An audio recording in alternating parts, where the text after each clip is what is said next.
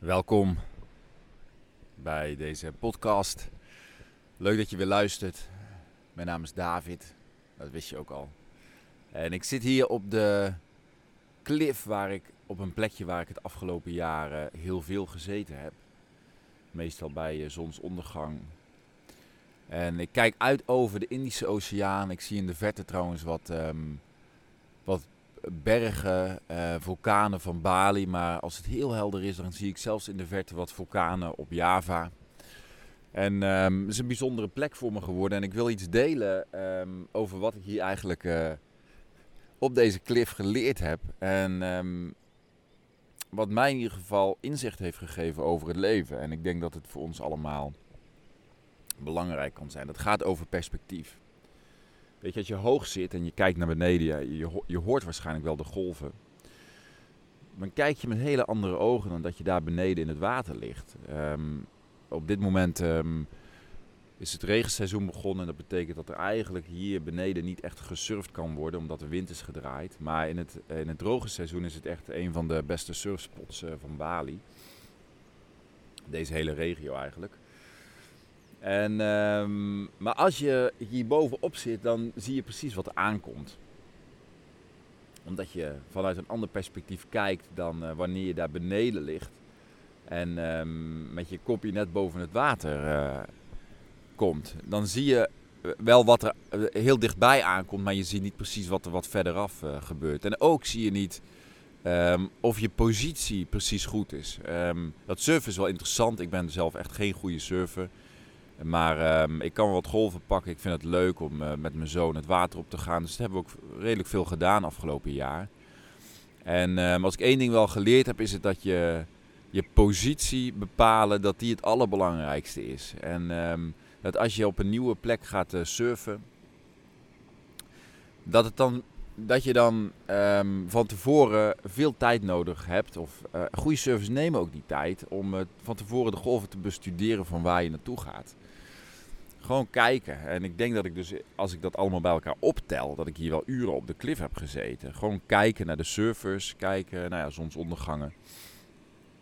En um, weet je, wij verliezen vaak het perspectief op ons eigen leven. Wij, wij zijn zo in onze verhalen, in onze, soms onze drama's, soms in onze, in, vooral in onze mind, dat we eigenlijk niet meer met de juiste ogen kunnen kijken.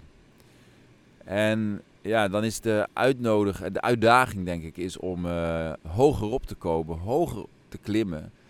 Vanuit een ander perspectief naar je leven te kijken. En, vanuit, en dan weer met frisse ogen, zeg maar, te kijken. Ik denk dat dat het vooral is, weet je. Dat we zo vaak vergeten dat we... Ja, we worden zeg maar één met, met het, ja, ik noem dat toch maar even het drama van het leven. Met alle dingetjes die uh, we moeten doen, of uh, conflictjes, of uh, wat er in de wereld gebeurt en wat het met ons doet en um, onze relaties. En dat we eigenlijk gewoon niet meer, niet meer echt goed kunnen zien van, ja maar waar, gaat mijn leven nou eigenlijk over? En um, zie ik de dingen nog wel zoals ze echt zijn? Weet je, en heel vaak um, ja, verliezen we onszelf in onze eigen mind. Ik zie dat in mijn eigen leven. Hoe vaak ik dan in mijn mind zit. En vanuit dat perspectief van die, van die, van die beperkte gedachten, zeg maar, dan is het gewoon ik en mijn gedachten. Uh, niet aanwezig. N dan, hè, dat, vanuit dat perspectief, dan zie je de dingen niet meer zoals ze zijn. Dan heb je eigenlijk echt even een, um, een andere blik nodig. Het is hetzelfde dat ik vanuit het buitenland naar, naar Nederland kijk en ik zie wat er gebeurt. Ik beleef de situatie in Nederland anders dan jij, waarschijnlijk. Omdat ik ook op een, vanuit een heel andere energie. Ik, ik ben hier niet in dezelfde energie als Nederland. Ik beleef de wereld zoals die hier is. Ik beleef mijn realiteit vanuit mijn perspectief. En dat is ook het interessante. Jij en ik beleven allebei ons leven vanuit onze eigen eigen mind, vanuit onze eigen perspectief en vanuit ons eigen gevoel. En uh, het enige probleem wat daarmee mis is, is dat wij ook gaan denken en geloven dat dat perspectief de waarheid is. Dat dat klopt, zeg maar. Dat dat is hoe de wereld is. Zoals ik hem beleef met mijn bril, ja, daar verlies ik mezelf eigenlijk. Hè? Terwijl de, de, het mooie van het leven is, en dat kan ook, is dat je vanuit heel veel, andere, veel verschillende perspectieven gaat kijken. Dan moet je wel dus op die klif gaan zitten, hè, of op de berg gaan zitten in je eigen leven. En een ander perspectief hebben. Dan moet je van bovenaf gaan kijken naar jezelf. En dan onttrek je jezelf even uit het drama van, van, van het leven, om het zo te zeggen. En dan ga je van vanuit een heel ander, andere bril ga je kijken. Ga je kijken, ja, wat is hier nu eigenlijk aan de hand? In deze wereld. In mijn leven.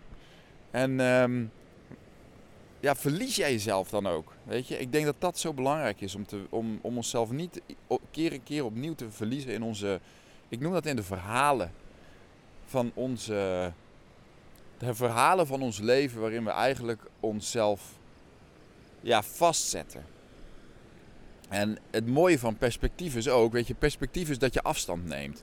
Nou, ik moest denken op een gegeven moment aan dat filmpje van, ehm, ik denk, het begin van de pandemie had je dan zo'n filmpje van, ik denk Mark Rutte. En dat ging dan over anderhalve meter afstand. En dan hoorde je zo'n Duitse stem met, anderhalve meter afstand. Afstand houden. Nou ja, goed. Er zijn natuurlijk tig legio-video's gemaakt van die meme-video's. Maar uh, afstand houden, denk ik van ja, de, uh, afstand houden met je eigen. Dat gaat ons echt helpen. Hè? Afstand houden van mijn eigen personaatje. Van mijn eigen ikje. Die zichzelf verliest zeg maar, in zijn leven. Dus er is wel iets met, ja, noem het zeg maar gezond dissociëren.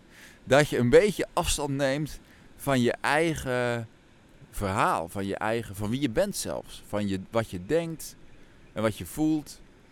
Weet je, wij hebben daar, een, wij, wij, wij hebben daar natuurlijk een heel, heel oordeel en een verhaal over. Van dat je niet moet dissociëren. Ik ben trouwens mee eens dat we niet moeten vertrekken. We moeten gewoon hier zijn. En dat mensen, sommige mensen die dissociëren letterlijk doordat ze. En figuurlijk doordat ze eigenlijk niet volledig in het lijf zijn. Weet je, dat heeft te maken met embodiment. En je wil juist wel in je lijf zijn. Je wil embodied leven. Maar dat betekent dat je je wel een beetje gaat dissociëren zeg maar, van, van al die mindactiviteit. En dat je hele, altijd maar in, die, in dat hoofd leeft met al die gedachten. Daarvan moeten we ons dissociëren. Daarvan moeten we zeggen van wow, helpt dit mij wel? Weet je, is dit wel zoals het is? Is dit ook wel de realiteit? En ik denk dat um, de, het, perspectief weer krijgen heeft te maken, denk ik, met, um, met veel meer zakken in het lijf. Dus veel meer aanwezigheid. Eigenlijk aanwezigheid brengen in het hier en nu. Als je wakker wordt, dan voel je dat misschien wel. Voel je dat je. Ben je echt aanwezig? Of voel je dat je dus ergens ja, met allerlei angsten, gedachten, twijfels, um, drukte, dat je oordelen, dat je daarmee wakker wordt en dat je daarmee eigenlijk uh, je dag al begint. Dan ben je eigenlijk niet aanwezig. Dus dan, ben je, dan zit je dus, dus al in het perspectief van het ikje wat zich helemaal verliest in zijn verhaal. En ik denk als je deze tijd wil overleven, want dat kom ik eigenlijk pas uh, na zoveel minuten tot mijn punt. Ik denk als, je, als wij in deze tijd willen overleven, en dat klinkt dan heel zwaar, maar we weten niet waar het heen gaat met deze wereld. En, en wat de overheden en de machthebbers allemaal nog meer voor ons in petto hebben. Weet je, en daar hebben we niet zo heel veel invloed op. Tenzij we met z'n allen zeg maar, zeggen van we doen hier gewoon niet meer aan mee. Maar ook dat, weet je, is niet iets wat je zomaar kiest. Dat moet ook, de tijd moet daarvoor rijp zijn, weet je. Maar dan is het uh, de vraag is van oké, hoe, hoe overleef je deze tijd? Hoe kom je door een hele, misschien wel heel, een van de meest zware periodes van de menselijke geschiedenis? Heeft het te maken met dat je, dat je perspectief kan hebben op je eigen leven. Dat je de dingen op de juiste manier kan zien. En dat je jezelf niet alleen maar verliest in het verhaal aan wat je aan de buitenkant zeg maar, ervaart. Dat je, dat je afstand kan nemen van je eigen beperkte gedachten en dat je op een andere manier naar jezelf kan kijken. Weet je? En dat je vanuit meer afstand eigenlijk kan beslissen over wat je, wat je wil doen, wat je wil of moet doen met je leven. En um, dat is ook het enige, denk ik, wat ons echt uh, ja, uit zo'n crisis kan helpen. En dat is ook kijken individueel naar jezelf. Van wat heb jij dan te doen? En um, dat kan je alleen maar gaan voelen op het moment dat je niet in die verhalen zit. Dat je je niet verliest zeg maar, in de waan van de dag. Of in, je, in, in, in de drama's en de verhalen en ook niet in het nieuws. Als ik daar de hele tijd mee bezig ben, dan kan ik gewoon niet mijn beslissingen juist nemen.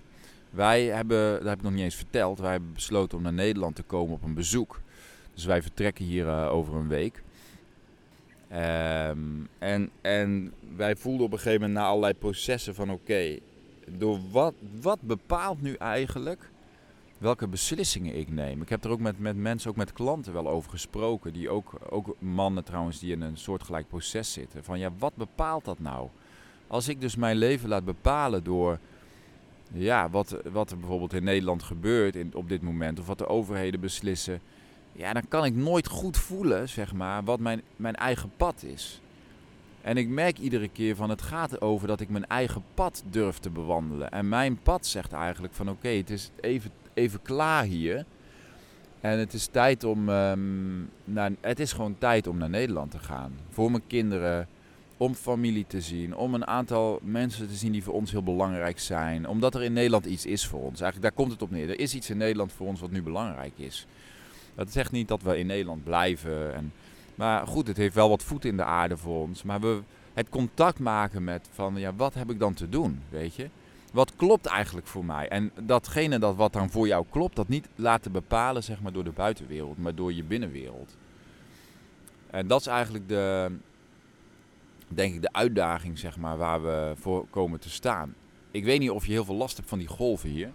Maar goed, Weet je, dus je, je, je beslissingsbevoegdheid eigenlijk. Hè? Ra van Human Design die zegt van ja, strategy en authority volgen. Dat is eigenlijk wat je moet doen. En strategy en authority, dat heeft eigenlijk, ook als je niet heel veel van Human Design afweet, dat heeft, meer dat heeft gewoon te maken met je innerlijke autoriteit volgen. Het diepere weten, zeg maar, wat in jou ligt. Zeg maar. En soms is daar ook tijd voor nodig. Weet je, soms moet je daar. Ja, is het, het is vaak een proces. Waar je, voor ons is het ook een proces, zeg maar, om uh, te beslissen en te kijken van wanneer, wanneer gaan we dan bijvoorbeeld naar Nederland en hoe lang gaan we dan en wat is dan na, na Nederland. Ook dat laten we nog even open op dit moment. Dus dat proces met jezelf, dat heeft gewoon tijd nodig en um, ja, dat is ook iets wat je aan moet gaan. Hè? Dus je, en daarmee maak je jezelf los, dan ga je weer dissociëren zeg maar, van uh, de waan van de dag, van wat er in het nieuws gebeurt, van Um, hoe fijn mijn dagelijks leven ook is. Want wij hebben het hartstikke fijn hier. De kinderen hebben het naar hun zin. Joshua die houdt van surfen. Isa is fijn op haar schooltje. Maar ik zei ook gisteren tegen die, die man waar ik mee sprak. Ik zeg, ja, maar dat is niet een criterium voor een keuze. Ja, we hebben het goed hier, dus blijven we. Ja, maar wat is dan onze route, weet je? Wat heb je dan te kiezen? Wat heb je dan te doen in je leven? Dat is eigenlijk veel meer belangrijk. En, um, maar goed, ook voor mij is dat helemaal niet per se heel makkelijk, um, makkelijk proces.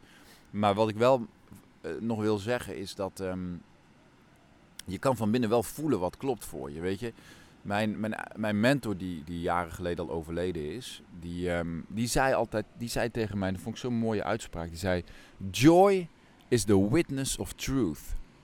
Dus waar je grote vreugde bij voelt van binnen, wat, dat is vaak waar, waar jouw waarheid zit. Dat is wat klopt. Waar je vreugde bij ervaart. En kijk, dat wil niet zeggen dat je, dat je daardoor nooit een angst hebt. Hè? Ik bedoel, wij hebben ook allerlei onzekerheden en angsten en allerlei dingen.